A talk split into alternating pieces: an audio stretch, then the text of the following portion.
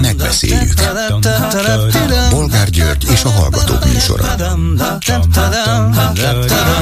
A műsor telefonszámai 061 387 84 52 és 061 387 84 53. Jó napot kívánok a Klubrádió mikrofonjánál, Bolgár György. Mai műsorunkban beszéljük meg, hogy egy friss közvéleménykutatás szerint Karácsony Gergely fölényesen nyerne egyelőre ismeretlen Fideszes ellenfelével szemben egy mostani főpolgármester választáson. Ezek szerint a Fidesz eddig sikertelenül próbálta szétmorzsolni karácsonyt, illetve politikai támogatottságát. Egyelőre nem működik a karaktergyilkosság, bár most már jó ideje tart. Vagy messze még a választás. Következő témánk, hogy a fővárosi törvényszék közben bevitt egy gyomrost a főpolgármesternek, mert visszadobta azt a keresetét, hogy a fővárosnak ne kelljen brutális méretű szolidaritási adót fizetnie. Több fronton támad a kormány, különleges katonai, politikai hadművelet zajlik. Mit szólnak ezen kívül ahhoz, hogy a Fidesz frakció vezetője, Kocsis Máté egészen meghökkentő támadást intézett a párbeszéd frakcióban ülő Jámbor András országgyűlési képviselő ellen, mondván teljesen egyértelmű, hogy Jámbor bűnrészes pedofil bűncselekményben. Nevezetesen abban, hogy a Szikra mozgalom alaptalanul őrizetben tartott aktivistájának volt és azóta öngyilkosságot elkövetett élettársa pedofil felvételeket tartott a saját számítógépén. Nem Jámbor, nem is a általa vezetett Szikra mozgalom aktivistája, hanem az ő egykori élettársa. Kocsés nemrég a parlamenti folyosón oda is szólt Jámbornak, hogy pedofil. És ezt lehet büntetlenül csinálni?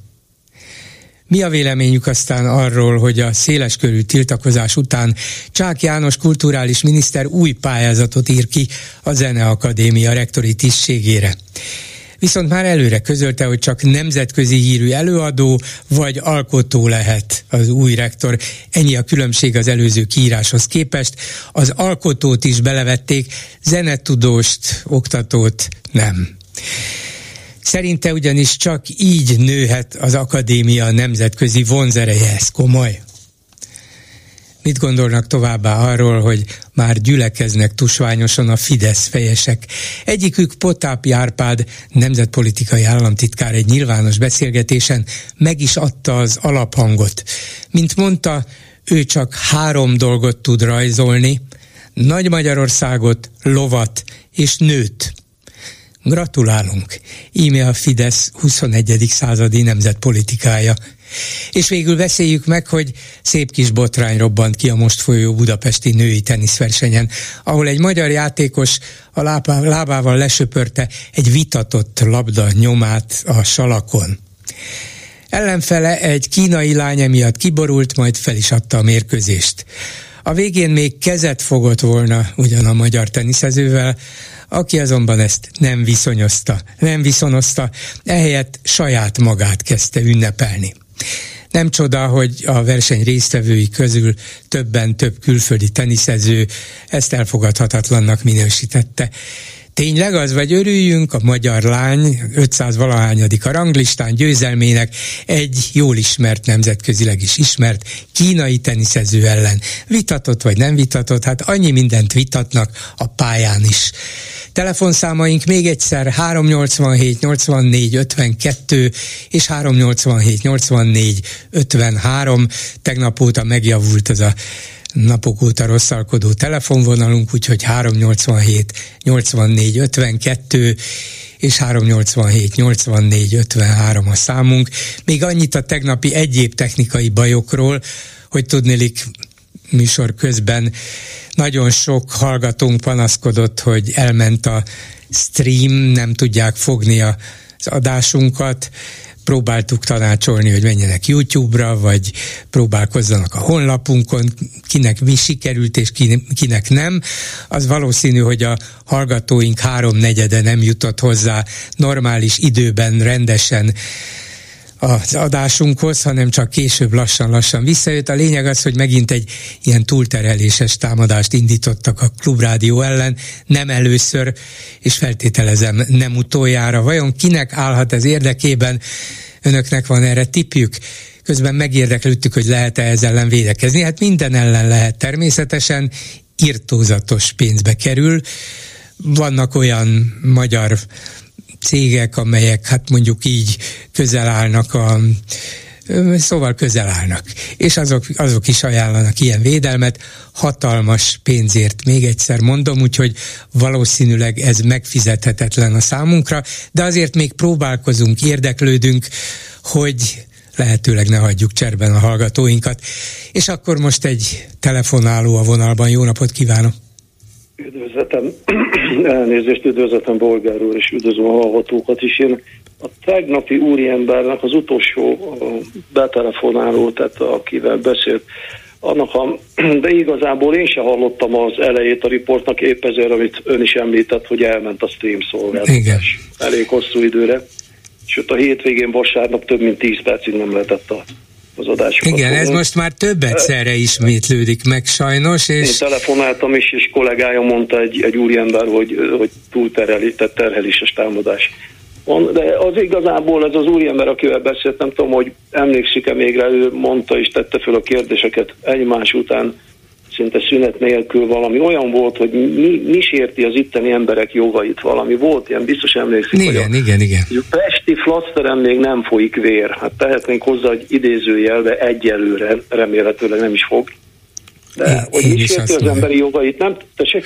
Én is azt mondom, hogy remélem ez így is marad. Remélem, én is, én is Panaszunk sok van, de azért az egy óriási különbség lenne, hogyha a vér is folyna igen, szerencsére. Igen, igen, és, és ami a döbbenet számomra, nem tudom, hogy az emberi jogok egyetemes nyilatkozatát ismerik itt sokan egyáltalán, vagy tudnak erről, hogy létezik ilyen, amit ugye a háború után fogalmaztak meg, és ez a demokráciának és a békés egymás mellett élésnek az egyik ilyen alapkartája is talán legutóbb említettem Bécsbe, hogy ugye a Bécsi parlamentnek a bejáratánál ott van ennek a bizonyos nyilatkozatok az első kettő cikkeinek a bekezdése.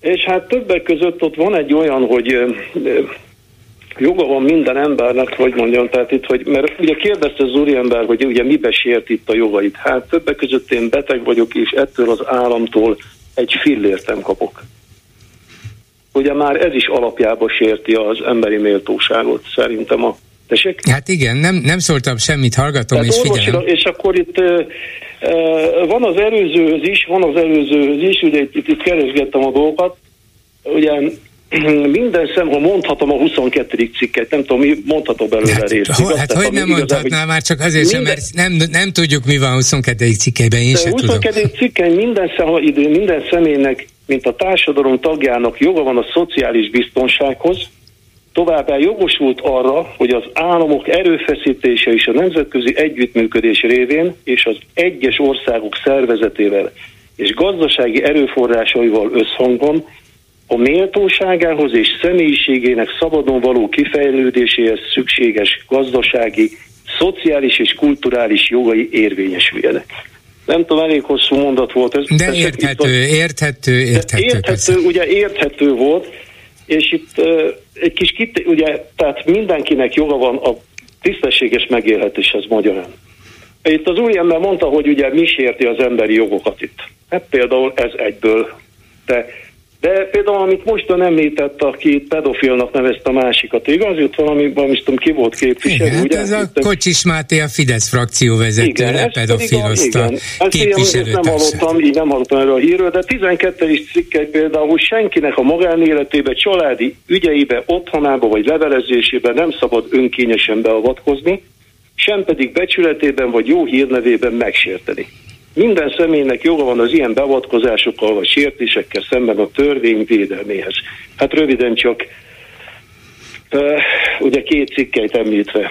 Igen, és, és hát a dolognak az a lényege, hogy az emberi jogokat kell tiszteletben tartani, Pontosan. ez volna a demokrácia alapja, és az a kormány, az az állam, amelyik ezeket nem tartja tiszteletben, félresöpri, és azt mondja, hogy jó, hát a kollektív jogok, meg a közösség jogai felülírják mondom, ezeket. Itt kezdődik, igen. igen. igen. Itt kezdődik, és bocsánat, új ember mondta ugye, hogy hát miért nem hagyják ezt az országot, hogy itt hogyan viszonyuljon a, a mit a melegekhez, meg stb. meg ugye mondott valami, hogy, hogy, hogy miért. Hát ugye pusztán csak azért, mert ez az ország valamikor csatlakozott egy, egy Európai Unió nevezetű társasághoz.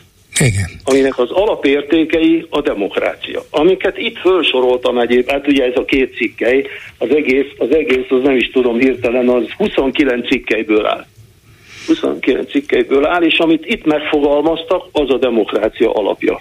Igen. A, az Úgy, emberi hogy... méltóság megőrzése, és ezt nem lehet külön választani, hogy most valakiknek, csoportoknak milyen érdekei vannak, véleményem szerint, hanem a legfontosabb az egyén szabadsága, mert minden, minden egyes dolog onnan indul ki.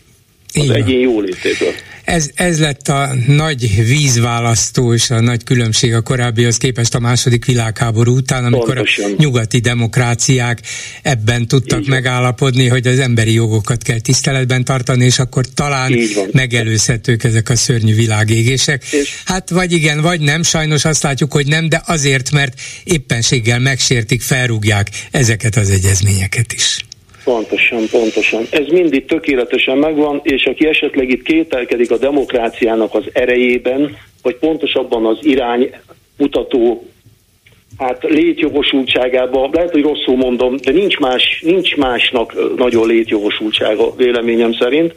Az ilyen autokráciák és olyan, olyan, mert a háborút is említette, ugye az ukrajnai háborút, még ha egy percen van esetleg igen. Az nem elfogadható, hogy egy nemzet lerohan egy másik nemzetet, talán a 21. században. Mindösszesen azért, mert ő másként akar élni, mint aki mellett éppen tartózkodik. Ugye mindenki között nem lehetnek tengerek vagy óceánok.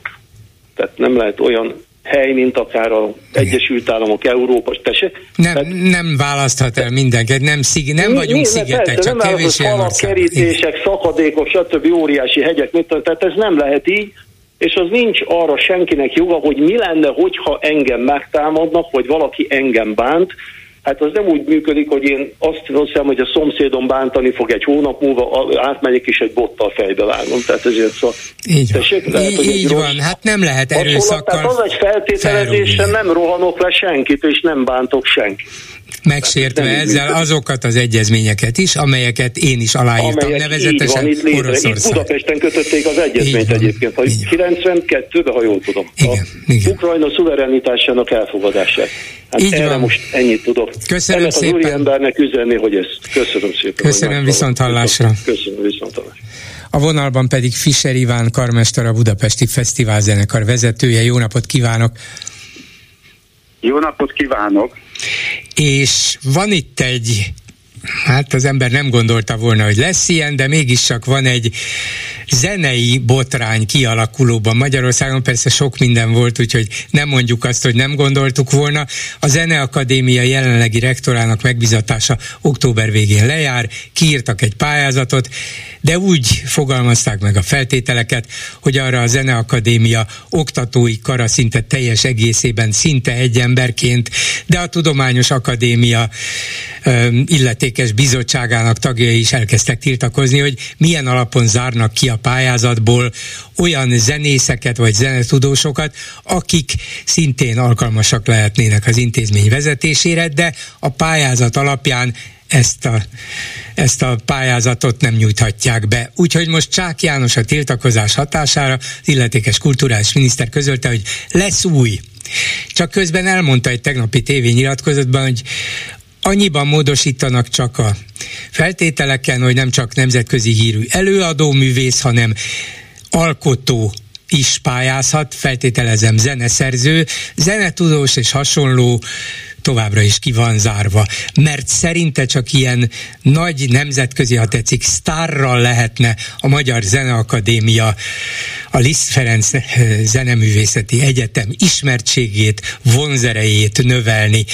Így van ez? Egy eleve ön szerint a Magyar Zeneakadémiát hogyan tartják számon a világon? Húha, ez nagyon összetett kérdés, szívesen válaszolok rá. Az első gondolatom az volt, hogy jó lenne, hogyha a kőfaragók és a balettáncosok is részt vehetnének a pályázatban, de um, igazán... Had, bocsánat, hadd mondjak, én... erre, hadd mondjak erre valamit. Ez a baletta, a kőfaragó, az talán, az, arra talán nem tudok mit mondani, de a balettáncosra igen. Megnéztem, hogy a világ egyik leghíresebb zeneakadémiáját kivezeti. Ez a Juilliard School of Music New Yorkban. És egy balettáncos vezeti. Néhány év volt. Na, no, de hát zárójelbe zárva. a kőfaragót is megtaláljuk. Lehet. No, Igen. hallgatom tovább, bocsánat. Hát szóval az a helyzet, hogy ez egy kicsit fel van fújva ez az egész probléma, úgy érzem, mert itt meghallgattam különben, hogy mit mond a miniszter úr, Csáki János tegnap a tévében, és én értem azt, hogy ő azt szeretné, hogy ez egy nemzetközi rangú tanintézmény legyen. Ez egy nagyon szép vágy, de szerintem ez nem ilyesmin múlik, hogy, hogy most ki a vezető, milyen szakma, hogy van kiírva a pályázat, sőt, megkockáztatnám azt, hogy hogy úgyse lesz nemzetközi hírű, akárki van az élén. Nem akarna esetleg pályázni? Ön belefér ebbe, még zeneszerző is, kivált a világon talán a legjobban ismert magyar zeneművész, úgyhogy egy Fischer Ivánra nehezen mondhatnának nemet. Isten ments! Szóval szó se lehet róla, de hát mondom, én most tényleg őszintén megmondom, hogy miért, mert esélyét se látom annak, hogy, hogy elérjük azt a célt, amit a miniszter úr kíván. Na de miért? Az ember legalábbis a laikus, még a hozzám hasonló, tehát viszonylag olvasott laikus is úgy gondolja, hogy ezért a Budapesti Zeneakadémiának van múltja, van jelene, vannak kiváló művészek, akik itt tanultak, innen kerültek ki, és hatalmas sikereket aratnak, hát akkor ez viszi magával az intézmény hírét is. Hát igen, értem ezt. A, sajnos van egy olyan fajta gondolkodás, ahol például a az a szó, hogy nagy múltú, az úgy felszokott bukkanni.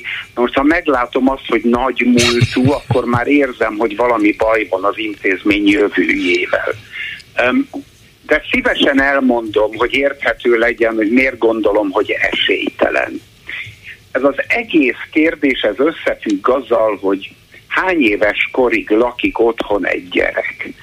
Most azokról beszélünk, akik a legtehetségesebb zenészek, tehát akik, akiket a zeneiskolába észrevettek, hogy fantasztikusan hegedül, kürtöl, fuvolázik, és egész addig, amíg ez egy bezárt ország volt, tehát nem lehetett útlevélhez jutni, meg deviza problémák voltak, hát talán még ön is emlékszik erre a régi időre. Sajnos igen. Addig, hát igen, emlékszünk rá, addig minden tehetséges gyerek a zeneakadémiára ment tanulni. Ez volt az út. Most viszont teljesen megváltozott ez a világ, 18 éves korban már elköltöznek a gyerekek otthonról, megkeresik a világban, hogy hol van a legjobb tanár, az egyik Clevelandbe megy tanulni, a másik nem tudom én, eh, Karlsruhe-ba, Berlinbe, ahol a jó tanár van egyáltalán nem szempont az, hogy a, hogy a Budapesti Zene Akadémiára menjen ez a nagyon tehetséges gyerek. Uh-huh. Tehát itt már másról van szó, nincs, nem le esélytelen az, hogy ezt a nagy múltuságot a jövőbe át. Tehát ha jól értem, arról, arról van szó, hogy nem is annyira az intézményt keresik, hanem a fuvolista vagy a zongorista kiválasztja neki, vagy magának a, a számára szimpatikus és vonzó és nagyra tartott művé művészt, aki valahol oktat és valahol tanít, és azt mondja, én ehhez és ehhez az zongoristához akarok menni, tanulni, ha ő Clevelandben van, oda, ha a Bécsi Zeneakadémián oda, és nem az intézményt nézi, hanem azt a hangszeres művészt vagy pedagógust, akitől a legtöbbet reméli tanulni. Ezt pontosan így van. Tehát ez szóról szóra pontosan fogalmazta meg. A tanárt választ a gyerek, nem intézményt. Na most ebben a helyzetben um, felejtsük el ezt az egész a pátosz részét a dolognak, hogy nagy múltú meg ilyesmi. Um, mire, mire van esélye uh, egy Budapesti Zeneakadémiának, ha versenyben van ezzel a nagy nemzetközi kínálattal. Azt nem fogjuk elérni, hogy Budapestre hozzuk minden szakma legjobb tanárait a világból. Ez teljesen esélytelen. És ez nem pénzkérdés, hát most miért jöjjön az a sztár fuvola tanár, aki most Münchenben tanít, és valami miatt oda, ke, oda keverte őt az élet, most miért költözön Budapestre? Nem fog. És ezért a nemzetközi nagy tanárok azok a nemzetközi porondon vannak. Amit a Budapesti Zeneakadémia el tud érni, most egy kicsit hagy fogalmazzak sarkítottan, az, hogy a magyar itt maradt, tehát a külföldre nem kijutó, nem lehet tehetségesebb gyerekek oda menjenek, és hogy ide vonzon jól fizető diákokat, akik a második vonalba tartoznak a legjobbak mindig tanárt fognak választani. Uh-huh.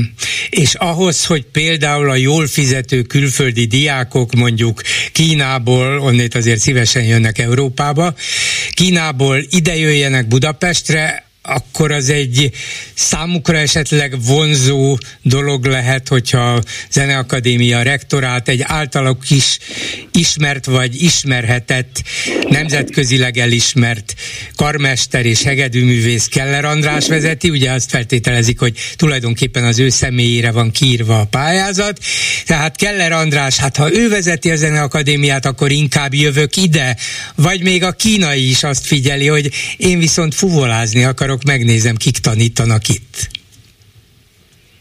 Hát lehet az a kisé alul tájékozott kínai diák, aki nem tudja, hogy hol vannak a legjobb fuvola tanárok, és nem is annyira tehetséges, és azt mondja, hogy á, á, Mr. Keller, á, á, interesting, szóval ez lehet, hogy van, van egy ilyen kínai diák, de um, ettől nem lesz a zeneakadémia ott a, a vezető intézmények között.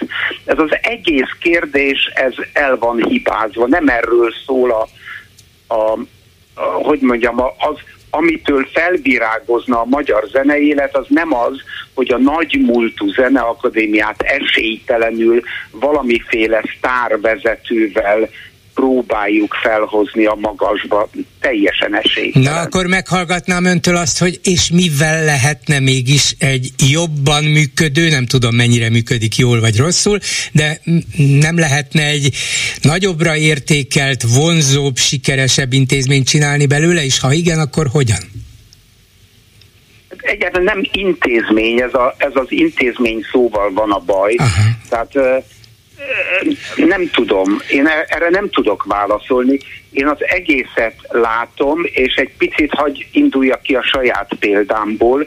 A 80-as években én azért alapítottam új zenekart, tehát a Budapesti Fesztivál zenekara semmiből jött létre, mert egy jó zenekart akartam csinálni, és azt gondoltam, hogy ha egy régi intézményt, ami már ugyanúgy működik, mint a Trabant gyár vagy az Ózdi Kohász, szóval egy ilyen intézményt akarunk átvenni, annak esélye sincs. Tehát ezért csináltam inkább egy új dolgot, és ezzel sikerült betörni a világ élvonalába. Most szerintem az, hogy amit a miniszter úr mond, ahogy ha jól értettem, hogy azt kellene támogatni, hogy a világ élvonalába legyen a magyar zene élet, ez teljesen jó, én üdvözlöm ezt a gondolatot. A probléma csak az, hogy ezt mondja, de nem ezt csinálja. Ugyanis az a, úgy tartja fenn a magyar állam az egész zeneéletet, hogy mindenkit eltart, elosztja egyenlően a, a pénzeket, van, aki kicsit kibukik ebből, van, aki többet kap, van, aki kevesebbet, ez általában ilyen nexus, meg lobbizás, meg ilyen dolgokon múlik, de egyáltalán nem azon múlik, hogy a nemzetközi porondon sikeres-e valaki vagy nem. Tehát az, amit mond, százszázalékosan tapsolok neki csak éppen nem a jelenlegi szervezeti keretök között kellene csinálni, és nem a jelenlegi gyakorlattal, hanem sokkal bátrabban megtámogatni a sikereseket, és ez még akár azt is jelenthetné, most lehet, hogy igazán szentségtörő leszek, hogy nem feltétlenül a Zeneakadémia rektor választására kellene koncentrálni, hanem lehet, hogy kis ösztönzést kellene adni, hogy legyen egy konkurens zeneakadémia, hát ha egy új keretben, új szereplők, új módon jobban tanítanak, vagy több embert tudnak vonzani. Lehet, hogy hülyeség, amit kérdezek, de a saját zenekar alapításából valami ilyen következtetést vontam le, hogy lehet, hogy szét kell törni az eddigi kereteket. Hát lehetséges, igazán őszintén szóval nem tudom, tehát inkább úgy látom, hogy vannak ezek a régi intézmények, ezeket átörököltük korábbi rendszerektől, nem is feltétlenül rosszak, lehet, hogy nagyon jók, de minden esetre ezek ilyen átörökölt, ilyen óriási vízfejek. Most mindegy, hogy operaház, vagy ilyen egyetem, vagy nem tudom micsoda, és ezek valahogy működnek. Egyik jobban, másik rosszabbul, de az, hogy abba bízni, hogy ha valakit kinevezünk az élére, ő majd felhozza a nemzetközi élvonalba, ez szerintem egy illúzió, lehet, hogy egy szép álom, de nem reális. Én inkább a, ugye a saját példámból indulok ki, elnézést kicsit szerénytelennek tűnik, mi azért kezdtünk bele egy teljesen új dologba, mert sokkal jobb színvonalat létre lehet hozni valami újban, mint egy egy átvett intézményben. És amikor sikerült ez, akkor abba bíztunk, hogy előbb-utóbb kiemelten fogják támogatni a Budapesti Fesztivál zenekart, mert ott van a világ élmezőnyében. És ezt mondja is például a miniszter úr, de ugyanakkor kapunk egy levelet, hogy ugyanúgy, mint minden más zenekar, itt is önöknél is elvonások lesznek.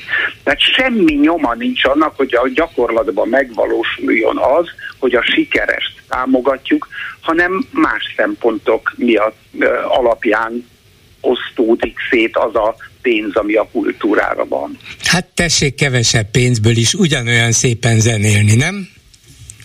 Hát igen, igen, az a probléma, hogy a mi helyzetünkben, hogy mi két mércét is el tudunk képzelni. Hogyha a hazai mérce szerint nézzük meg, akkor igen, igyekszünk jól zenélni, ugyanannyi támogatást kapunk, mint a másik vagy harmadik hasonló zenekar, teljesen jogos. De ha külföldit nézzük meg, mi versenybe vagyunk a világ élvonalába, olyan, mintha a bajnokok ligájába ott lennénk a legjobbak között. És azok a zenekarok, azok többszörösét kapják állami támogatásban, mint mi itthon, tehát egy óriási versenyhátrányba vagyunk kénytelenek ott mozogni, és Magyarország úgy tűnik, hogy nem büszke azokra, akik sikeresek, hanem valami más szempont miatt osztja szét a potenciális támogatást. Hát nem tett boldogabbá, de lehet, hogy be kéne neveznie egy másik bajnokok ligájából, talán több pénzhez lehet jutni. Nem biztos, hogy a fesztivál zenekar rúgja a gólokat, de hát ki lehet próbálni. Köszönöm szépen Fischer Ivánnak, minden jót, viszont hallásra. Köszönöm, viszont. Háló, jó napot kívánok! Jó napot, Kovács Anna vagyok. A kocsis, illetve Jámbor ügyel kapcsolatban telefonálnék. Igazából hát ez felháborító, természetesen mindenképpen ezt nem is lehet máshogy mondani, vagy hát máshogy értelmezni, tehát hogy egészen elképesztő, hogy, hogy milyen hihetetlen mélységekig képesek leérni, vagy hát lejutni, és amikor az ember már azt gondolná, hogy nincs lejjebb, akkor kiderül, hogy mégis. Viszont csak annyit szeretnék megjegyezni ezzel kapcsolatban, hogy volt nemrég interjú az Ungár Péterrel. Igen. Ami, ami hát szerintem szintén elég elkeserítő volt számomra, egy kicsit más miatt. Ugyanis hát nem, nem tudom, tényleg elképesztő, hogy Munkár Péternek ez a, ez a egészen fura transzfóbiája, meg, meg szóval az ember nem gondol, nem ezt várná el egy liberális párt vezetőjétől, de hát ez mellékes. E, és ab, abban, arról magyarázott ebben az interjúban Ungár Péter, hogy a magyar jogvédők meg aktivisták átvesznek ilyen amerikai identitás politikai témákat, anélkül, hogy hát az állítólagos kulturális különbségeket figyelembe vennék e, ha jól emlékszem, ugye ilyesmit mondott. Igen, igen. És hát csak erre szeretném pont ennek az ügynek a kapcsán, tehát szerencsétlen ügynek, ügynek a kapcsán megjegyezni, hogy ezt éppen, hogy a kormány csinálja. Tehát, hogy ez volt, a, ez volt a, a, az egyik nagy dobásuk, még annak idején, hogy átve, átveszik, szó szerint átveszik az amerikai szélsőjobb kampány pontjait, témáit, de tényleg szó szerint, és ebbe tartozik ez a nagy transzfóbia és homofóbia is, mert most mondja meg, tehát, hogy Magyarország sosem volt egy nagyon nyitott és progresszív ország. De azért 5-6 évvel ezelőtt kit zavartak ebben az országban a transzneműek? Hát azt se tudta a legtöbb hát ember, így van, ele, eleve nem foglal. Biztos, hogy voltak, persze, mint kiderült, voltak, de voltak, nem, nem igen, keltettek hát... feltűnést, mert az ember nem foglalkozott velük, ez nem volt igen. ügy. Igen. Pontosan, tehát élték az életüket, természetesen hát problémákba ütköztek, mert hát egy nagyon bigott ugye országban élünk, de hát ettől függetlenül nem, nem volt ez az egészen elképesztő transzfóbia, homofóbia, és akkor kezdte el a kormány ezt, ezt felhozni és kampányá emelni, amikor az amerikai szélsőjobb is megtalálta magának ezt a témát. Tehát a QAnon mozgalom az, annak ez volt az egyik fő témája, hogy a demokraták azok gyerekeket csempésznek és megerőszakolják őket, és mind pedofilok meg a vérüket megisszák, és, és elkezdték most ugye a, a Tucker Carlson, a, a Matt Walsh, az összes a Trumpék elkezdték ezt, a, ezt, ezt az egész pedofilózós kampányt a demokraták felbőszíteni ellen. a híveiket, hogy Pontosan. egyre nagyobb felháborodást generáljanak. Hát ez volt a cél, a politikai felháborodás hát, kerjesztése. Igen, és a, de hát a magyar kormány ezt, ezt fogta, és szó szerint átemelte abba az országba, ahol a transzneműek egyszerűen nem voltak, meg, a, meg ilyen, ilyen, ilyen szinten még a melegek sem voltak egyszerűen téma. Tehát nálunk nem, a, tehát Ungár Péter szokás szerint megint a, a, a rossz nézőpontból közelíti meg a, a, a helyzetet, tehát hogy ez nálunk nem volt egy probléma, hanem a kormány tette témává, problémává, és a magyar jogvédők és aktivisták erre reagálnak.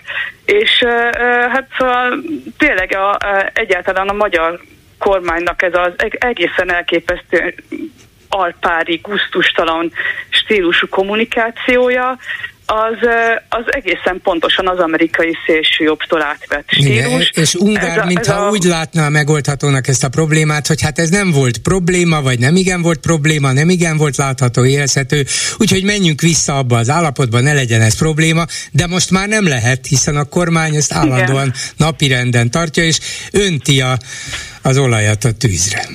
Igen, és hát ugye ez is azt mutatja, hogy most ez a Jánbor Andrásnak, ez a, illetve hát az egész szikra mozgalomnak ez a besározása, ez is azt mutatja, hogy, hogy tehát ezzel nem lehet elbújni, most már nem lehet azt mondani, hogy ilyen nincs, ezzel ne foglalkozzunk, vagy mert hát ők, ők csinálják ezt, és, és erre muszáj reagálni, és muszáj megmutatni valahogy azt, hogy hogy ez lehet, hogy nem tudunk mit tenni ellene, mert, mert, mert hát ugye ők a Fidesz és hát diktátú, diktatúra van, azt csinálja ugye Or, amit Orbán Viktor, amit akar, meg az egész lepje, de hát azért van ami, van, ami olyan szinten mérhetetlenül guztustalan, hogy az ellen fel kell szólalni. Tehát, hogyha Ungár Péter is, meg aki vele, akik, akik vele egyetértenek, azt mondják, hogy hát nem tudom, tehát, hogy hagyjuk ezt az egész témát, és hogy az, az szerintem mindennél jobban bizonyítja azt, hogy igazából tulajdonképpen kinek a szekerét hajtják.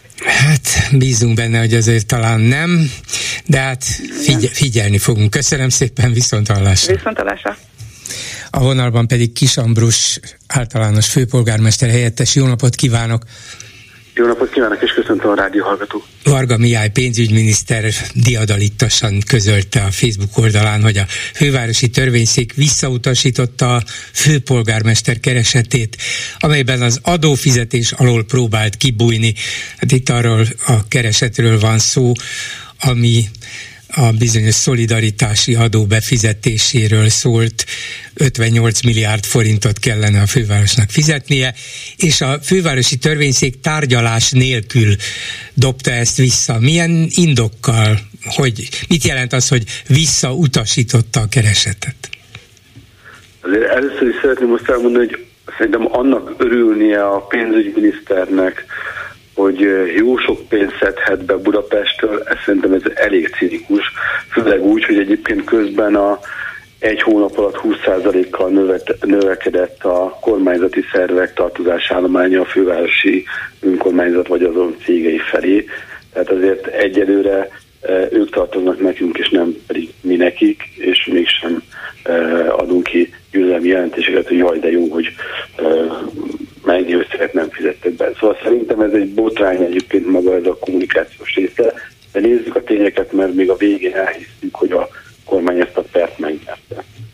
Elsőfokú ítélet született, és mi fellebbezünk. Valóban az történt, hogy a fővárosi törvényszék nem ment bele a keresetünk vizsgálatába, hanem ő azt mondta, hogy szerinte eh, ez az esemény, abban a magyar államkincstárati nem egy közigazgatási szereplő, kérdezem, akkor micsoda. Ezért ő azt látja, hogy nem rátartozik ez a, az ügy, ezért tárgyalás nélkül valóban első fokon visszaadta. Mi az ítélő táblához fogunk fordulni, és hát meglátjuk, hogy a tábla módosítja az fokú döntést. Mi azt gondoljuk, hogy ezt az ügyet végig kell vinnünk, már csak azért is egyébként, mert hogy talán kicsit helytelenül, de az önkormányzatok az utóbbi időben nem éltek azzal a jogi lehetőséggel, hogy közigazgatási döntéseket támadjanak meg a bíróságon, hanem ugye elszenvedték ezeket az ügyeket, nem kaptak rezsitámogatást az önkormányzatok, nem pereltek, hanem azt mondták, hogy hát ez csúnya dolog, hogy egyedi támogatást nem kaptak valami miatt, nem pereltek, hanem azt mondták, hogy hát sajnos most így döntött a kormány, miközben megvan erre a jogi lehetőség, és ezzel élni kell, ezért is uh, akarjuk ezt mindenképpen végignyomni, amellett is persze, hogy nem vagyunk képesek ezt a összeget fizetni. Ez egy már olyan mértékű elvonás, ami nem a normatív támogatásainkat viszi el, hanem az fölött meg még 25 milliárd forint.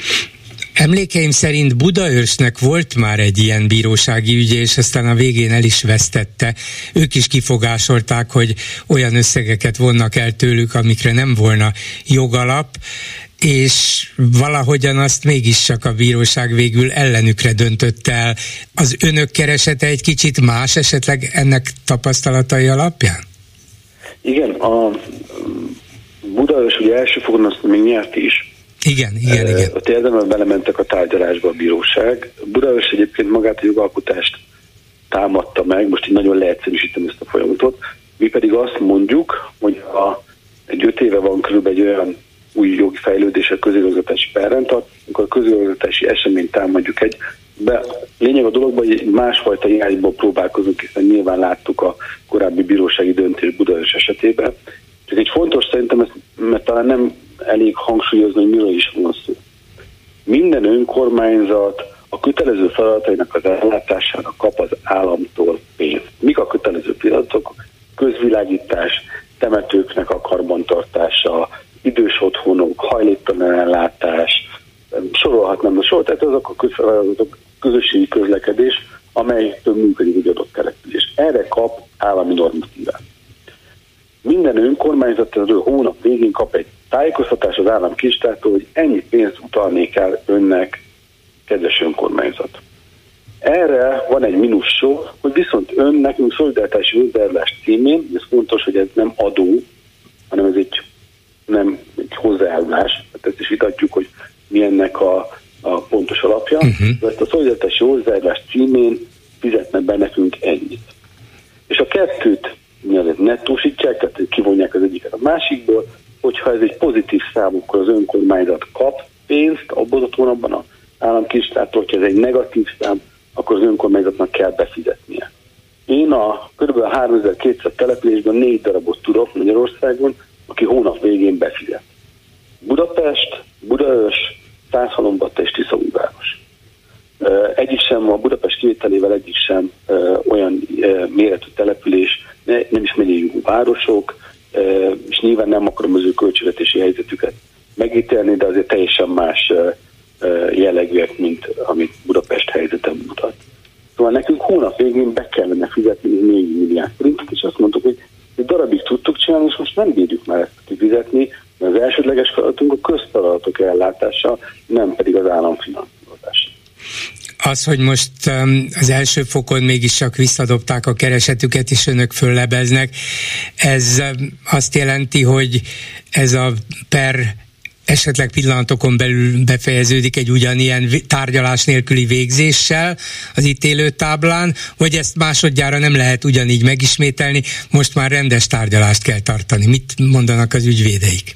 Nem erről szól, tehát hogy nyilván a, itt ugye azt mondta, hogy nem hozzátartozik az ügy, az abszolút az ítélőtábla dönthet így, még egyszer, akkor nem megyünk a kúriára, de e, én azért meglepődnék, hogyha a, a, a tábla benne azt a döntés helyben hagyná az első fokot teljes mértékben, és adná vissza nekik, e, e, hogy ez most egy új eljárásra kötelezik őket, vagy kötelezik őket egyből arra, hogy a, a érdemben menj be a tárgyalásba, ezt nyilván nem tudom előre megjósolni.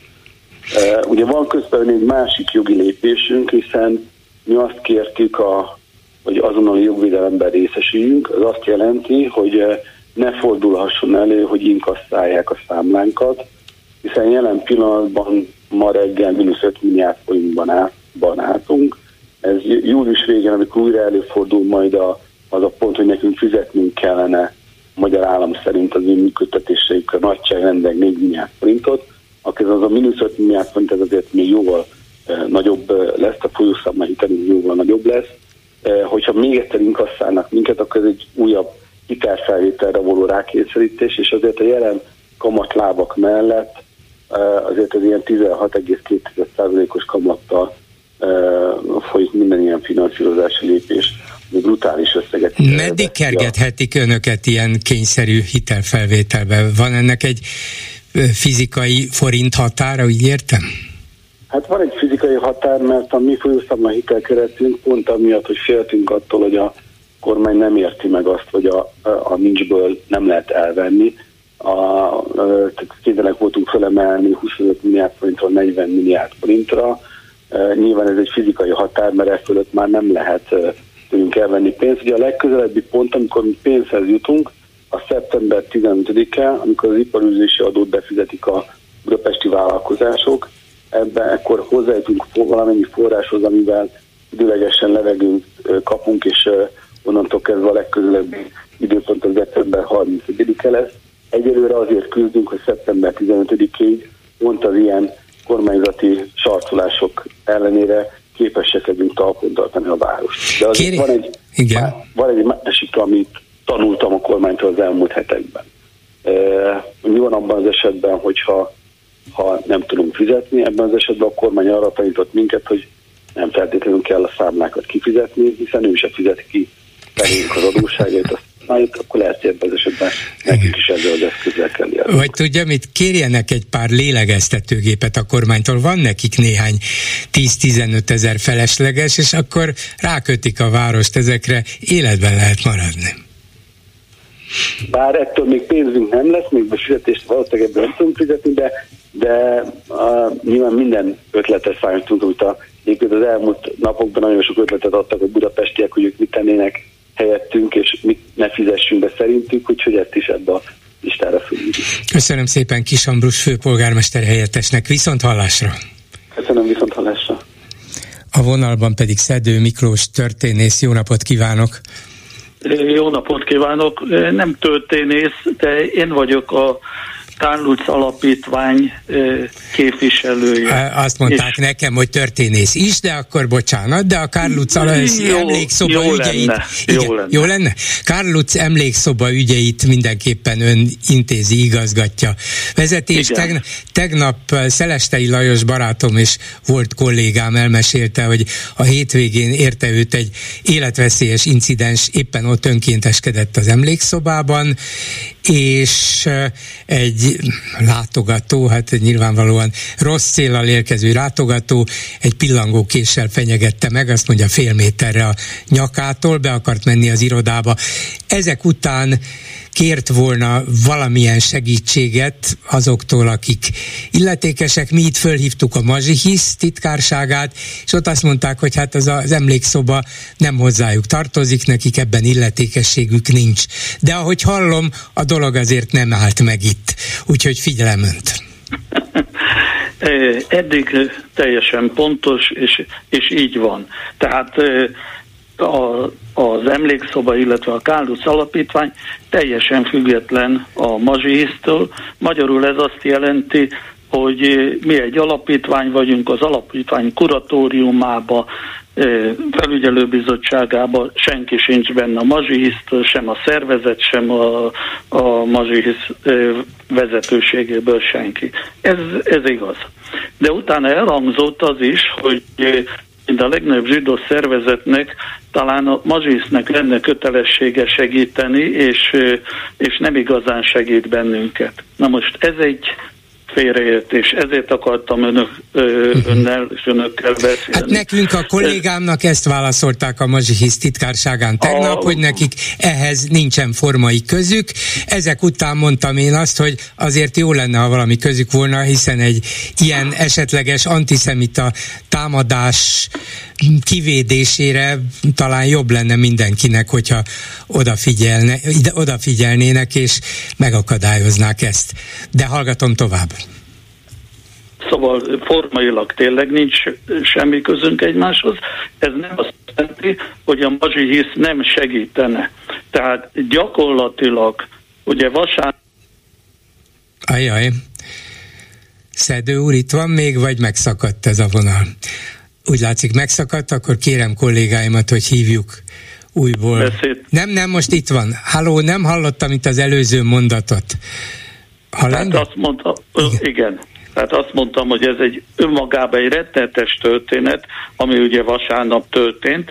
Hétfőn én beszéltem a, a Mazsi Hisszel, itt volt egy bizonyos félreértés önök és a, az önök kérdés és a Mazsihisz válasza között. Uh-huh. A Mazsihisz válasza az én kérdésem, kérésemre, hogy tudtak-e segíteni, nagyon rövid, frappáns és rövid volt.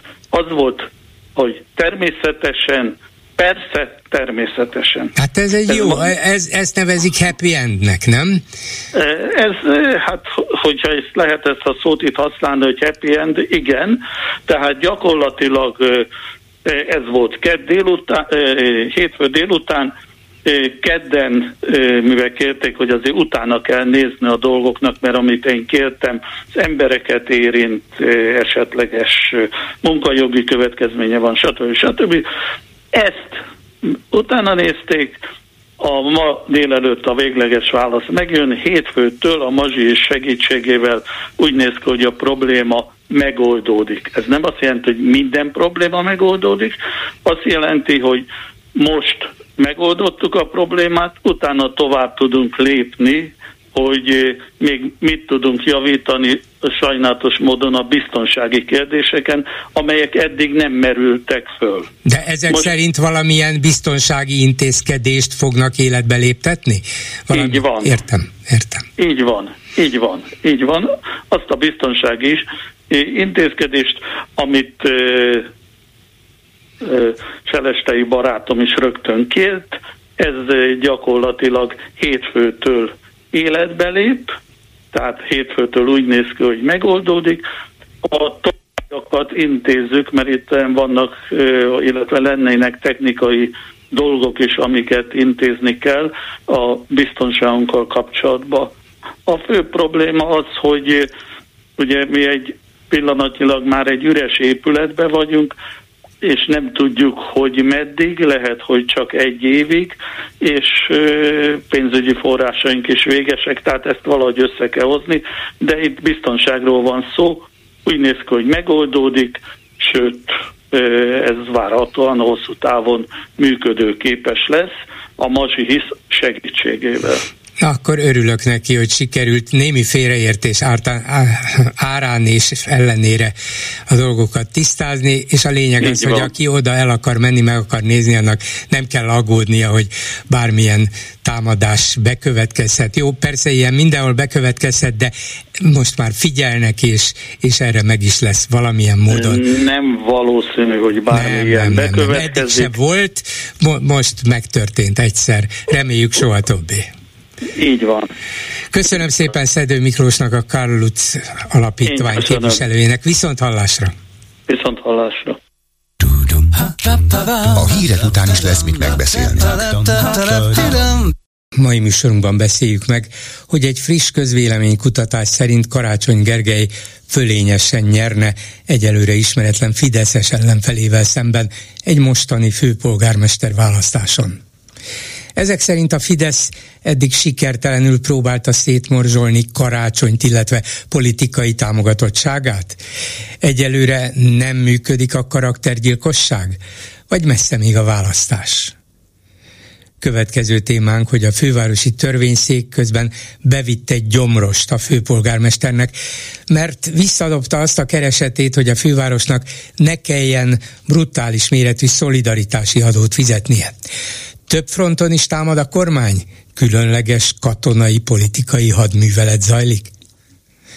Mit szólnak ezen kívül ahhoz, hogy a Fidesz frakció vezetője Kocsis Máté egészen meghökkentő támadást intézett a párbeszéd frakcióban ülő Jámbor András országgyűlési képviselő ellen, mondván teljesen egyértelmű, hogy Jámbor bűnrészes pedofil bűncselekményben vagyis abban, hogy a Szikra mozgalom alaptalanul őrizetben tartott aktivistájának volt és azóta öngyilkosságot elkövetett élettársa pedofil felté- felvételeket tartott a saját számítógépén de mi köze ehhez Jámbornak. Kocsis nemrég a parlamenti folyosón oda is szólt a baloldali képviselőnek, hogy pedofil. Lehet ezt büntetlenül csinálni? Mi a véleményük aztán arról, hogy a széleskörű tiltakozás után Csák János kulturális miniszter új pályázatot ír ki a Zeneakadémia rektori tisztségére. Viszont már előre közölte, hogy csak nemzetközi hírű előadó vagy alkotó lehet az új rektor, mert csak így nőhet az akadémia nemzetközi vonzereje szerinte. Ez komoly? Mit gondolnak továbbá arról, hogy már gyülekeznek tusványosan a Fidesz fejesek. Egyikük Potápi Árpád nemzetpolitikai államtitkár egy nyilvános beszélgetésen meg is adta az alaphangot. Mint mondta, ő csak három dolgot tud rajzolni, Nagy Magyarországot, lovat és nőt. Gratulálunk! Íme a Fidesz 21. századi nemzetpolitikája. És végül beszéljük meg, hogy szép kis botrány robbant ki a most folyó budapesti női teniszversenyen, ahol egy magyar játékos a lábával lesöpörte egy vitatott labda nyomát a salakon. Ellenfele egy kínai lány emiatt kiborult, majd fel is adta a mérkőzést. A végén még kezet fogott volna a magyar teniszezővel, aki viszont ezt nem viszonozta, ehelyett magát ünnepelte. Csoda, hogy sokan kiakadtak. Háló, jó napot kívánok! Jó napot, bolgár úr! Attila vagyok, már külföldről. Igen, hallgatom. A um, felajánlott témákhoz most nem szólnék hozzá, de két témám lenne, az egy, egyik egy aprócska, egy érdekesség. Annak idején a foci VB-n, a Katari foci VB után vagy közben Orbán méltóztatott, ugye személyesen is megjelenni, és utána valami olyasmit nyilatkozott, aminek az volt a lényege, hogy hát ő mennyire értékeli a sportszerűséget. Nem tudom, emlékszetni még erre. Hogyne, hogyne.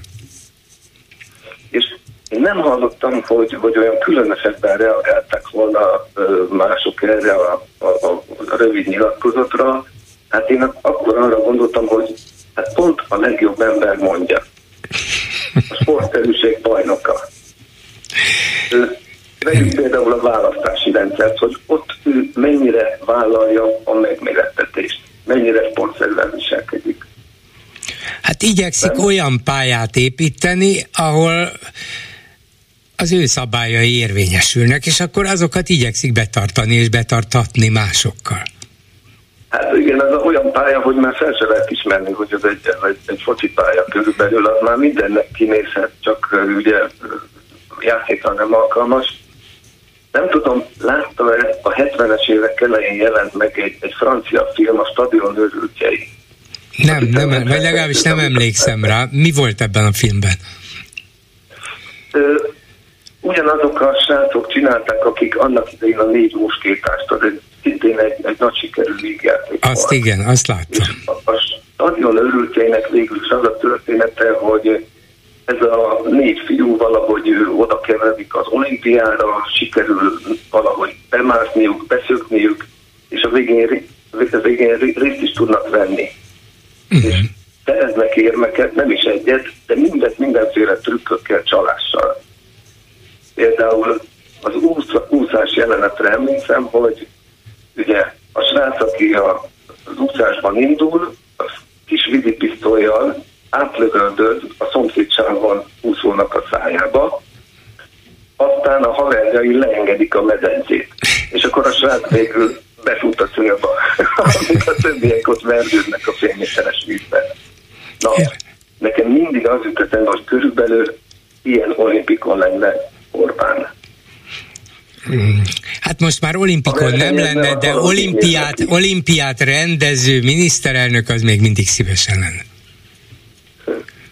Na, ez csak egy apróság volt a hülyeség, de a másik, ami komolyabban foglalkoztat.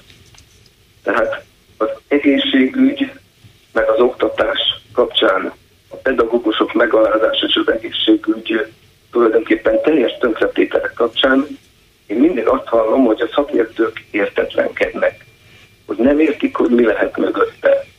Mert ugye már ezekkel a durva húzásokkal a saját szavazók táborát is kellemetlen helyzetbe hozza. Mert ugye a középosztályra kezdik adott kedvezményeket, de a középosztálynak szerintem a nagy része nem teheti meg azt, hogy külföldre küldi a gyerekeit tanulni, illetve hogy minden családtagnak magánegészségügyi szolgáltatást biztosítson. Nem, egy egyetért velem. Hát hogy nem, hát persze, hogy nem. Képzelj el, ha mindenki külföldre menne, akkor tényleg be lehetne zárnia. Utolsó leoltja a villanyt. Igen. Na, ez az egyik. A másik, ö, tehát, hogy, hogy, hogy, hogy ugye, ne, nem értik a szakértőt, hogy ugye miért történik. A másik jelenség, ami nekem szemet szúr, hogy én nem látom azt, hogy a Fidesz az hosszú távra készülne, hogy, hogy építeni tovább a pártot, hogy, hogy fiatalok jönnének be. Nagyon nem követem, Bolgár után jobban tudja, de lát, lát valahol fiatalitást? Szerintem ők hosszú távra készülnek. Mondanám, hogy az örök életre, de talán ez még szerintük is túlzás, de a következő húsz évet még nyugodtan belőtték maguknak, és hát bizonyos értelemben nem készülnek fiatalitásra, mert Orbán Viktor igyekszik magát karban tartani, és akár 80 éves korában is vezetni az országot, de van fiatalitás azért, ha megnézi például az államigazgatásba, kormányba helyettes államtitkárokat, államtitkárokat neveznek ki, azok ehhez a 30-as generációhoz tartoznak főleg, és szerintem van egy még tudatosabb és még szélesebb körű fiatalitás, ez a bizonyos, és az oktatáshoz tartozik, de a hagyományos oktatási kereteken kívül ez a Matthias Corvinus kollégium, amelyiknek a keretében igyekeznek összegyűjteni a tehetséges és érdeklődő fiatalokat, akár több ezer embert, és ezeket külön kurzusokban nevelgetni, terelgetni, tájékoztatni, mm, talán tanítani is, hogy majd amikor befejezik az egyetemet, lediplomáznak, akkor legyen egy ilyen hadrafogható, friss fiatal seregük. Ez nagyon tudatosan folyik. Hát én nem akarom ezeket a NER várományosokat elkeseríteni, de én szerintem ők már a koncból nem fognak kapni. És itt, itt nekem kétségeim vannak afelől, hogy amit most ő mondott, az megállja a helyét. Tehát nekem van egy olyan gyanúm, hogy mivel Orbán mindig úgy taktikázik, hogy egy ütéssel több legyet csapjon le, egy lépésnek a hátterében mindig több motiváció van. Szerintem az oktatás és az egészség szétverések kapcsán van egy olyan motiváció, hogy ez egy Péter, hogy legyen valamiben belebukni. Ugyanis nem akarok senkit megbotránkoztatni, de azok után, amit ezek elkövettek az országgal, a történelem rendes menete szerint rögtön ítélőbíróság előtt vagy lámpavason kellene végezniük. De Szerintem téved, és senki, szerintem téved, és senki nem játszik a saját bukására, ők meg el se tudják képzelni. Én szerintem pedig ez is benne van. Uh-huh. Én szerintem tudják, hát mindig Orbán, Orbánon ön is azt mondja sokszor, hogy ne becsüljük le, nem hülye. Hogy egy szuperintelligens emberről van szó akkor nehezen tudom elképzelni, hogy nem látná, hogy egy zsákutcába jutott. Nem, azt látja, hogy egy nehéz helyzetben esetleg egy zsákutca, de van kiút, visszafordulok, majd már jobbra fordulok, balra fordulok, kijátszom őket. Szerintem ez az ő meggondolása, ez az ő taktikája és stratégiája. Mindig arra fordulok, ahol úgy látom, hogy a legkönnyebben haladok előre. És ehhez nem kell annyiból kell csak terv, hogy látom előtte a célt, örökre hatalmon maradok. Akkor visszakérdeznék, hogy akkor a, a nagyon drasztikus, ugye, hogy is mondjam, kivéreztetése, tehát az oktatás és az egészségügy nagyon Igen, tényleg értem. durva tönkretétele mögött pusztán anyagi érdekek állnak. Hát rengeteg pénzbe kerül, és a politikai haszna pedig kevés és lassú. Nagyon lassan érik be az oktatásra, költenek sok pénzt, majd tíz év múlva érezzük a hasznát. Nem, neki most kell választást nyerni, most kell népszerűnek lennie, vagy legkésőbb három év múlva, és nem tíz év múlva. Addig többször is megbuktathatják, nem arra kell költeni a pénzt, csak ennyi. És nem látják az emberek, hogy rájuk omlik az oktatás, mert lassan repedezik és megy szét. De mondjuk ez, ez már annyira nem igaz. Tehát ugye most az iskolas kezdésnél szeptemberben lehet, hogy azért egy, egy minőségi fordulat következik be. Ez is lehet, megvan ez a kockázat, de szerintem abban bízik, hogy nem következik be minőségi, lehet, hogy egy kis romlás lesz, lehet, hogy kicsit több probléma lesz, de kezelni fogjuk tudni, nyugalom, csak a huhogók, a vészmadarak, azok keltik a pánikot, de mi tudjuk, hogy mit csinálunk. Szerintem így működnek. Köszönöm szépen, hogy hívott. Viszont hallásra. Már a valóság egyszer. egyszer megtörténhet, ez így van. Köszönöm szépen, viszont hallásra, és a vonalban Donát Anna, a Momentum Európai Parlamenti képviselője. Jó napot kívánok! Jó napot kívánok! Két nappal ezelőtt írt egy Facebook posztot, és nagyon igaza volt. Azt írta, hogy a Momentum Nolimpia kampányának köszönhető, hogy nem ment még csődbe idén a magyar állam. Ez nem túlzás, nem is dicsekvés, hanem tény. A Nolimpia kampány 17-ben nemzetmentőnek bizonyult.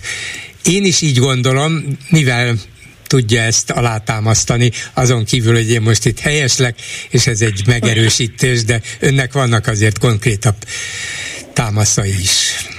Igen, hát először is inkább azzal kezdeném, hogy, hogy ezúton is köszönetemet fejezem ki mindazoknak a tudatos állampolgároknak, akik ebben segítettek nekünk. Tehát több mint 266 ezeren támogattak minket ebben a törekvésünkben, és biztos benne, hogy rengeteg klubrádió hallgató is közöttük van, mert hogy ez, ez, ez, ez azért is egy jó példa, mert ilyen az, amikor, amikor a közösség összefog, a nemzet összefog azért, hogy a saját jövőjért tegyen. És hogy, hogy miért volt az életmentet, mert akkor akkor is mondtuk, és mert az akkori, akkor is konzervatív számításnak véltük, hogy közel 3000 milliárd forintba kerülne ez nekünk. Na most, ha most ránézzünk jelenleg a költségvetés számaira, ami romokban van, már most az év felében 3000 milliárd forint hiány van azaz már akkora hiány van, mint amely korábban a, maga az olimpia rendezés került volna, és ez mondom, egy konzervatív számítás lett volna, azaz biztos, hogy államcsőd közelében lennénk. Nyilván persze erre szokták azt mondani, hogy a mi lett volna, ha az se a történése a politikus nem szereti, eh, de, de szerintem nagyon-nagyon fontos, hogy időről időre emlékeztessük magunkat, főleg akkor, amikor ekkora politikai apátia, hogy nem értünk el sikereket, érünk el sikereket, rendszerellenes ellenzékiek is, főleg, hogyha képesek vagyunk egy jó ügyért együtt dolgozni, és, és, és ezért fontos az, hogy, hogy menjünk tovább, hiszen akkor is azt mondta a Momentum, hogy azért állunk ki a olimpia ellen, vagy a, tehát a olimpia nevében az olimpia rendezés ellen, mert, mert ez a mi jövőnk és a gyermekeink jövőjét kockáztatja. Azaz már akkor azt mondtuk, hogy muszáj végre egy politikai generációnak a jövőre is gondolnia, és az elmúlt éveket tekintve, ahol beütött az energiaválság, a klímaválság, a gazdasági válság, most szerintem már mindenki a bőrén érzi, hogy mennyire-mennyire kötelességünk a következő generációról gondolkodni. Az előttem betelefonáló pont az oktatásról beszélt, az oktatásnál szebb példája annak, hogy éppen a jövő generációknak, a, tehát a, a gyerekeink generációnak a jövőjét teszi tönkre ez a kormány, ennél szebb példa szomorú példa talán nincs is. Na de hát Orbán Viktor szerint az oktatásban két dolog a fontos, a gyerekek testi-lelki egészsége, vagyis a testnevelés és a hittan. Úgyhogy arra meg talán mindig lesz pénz.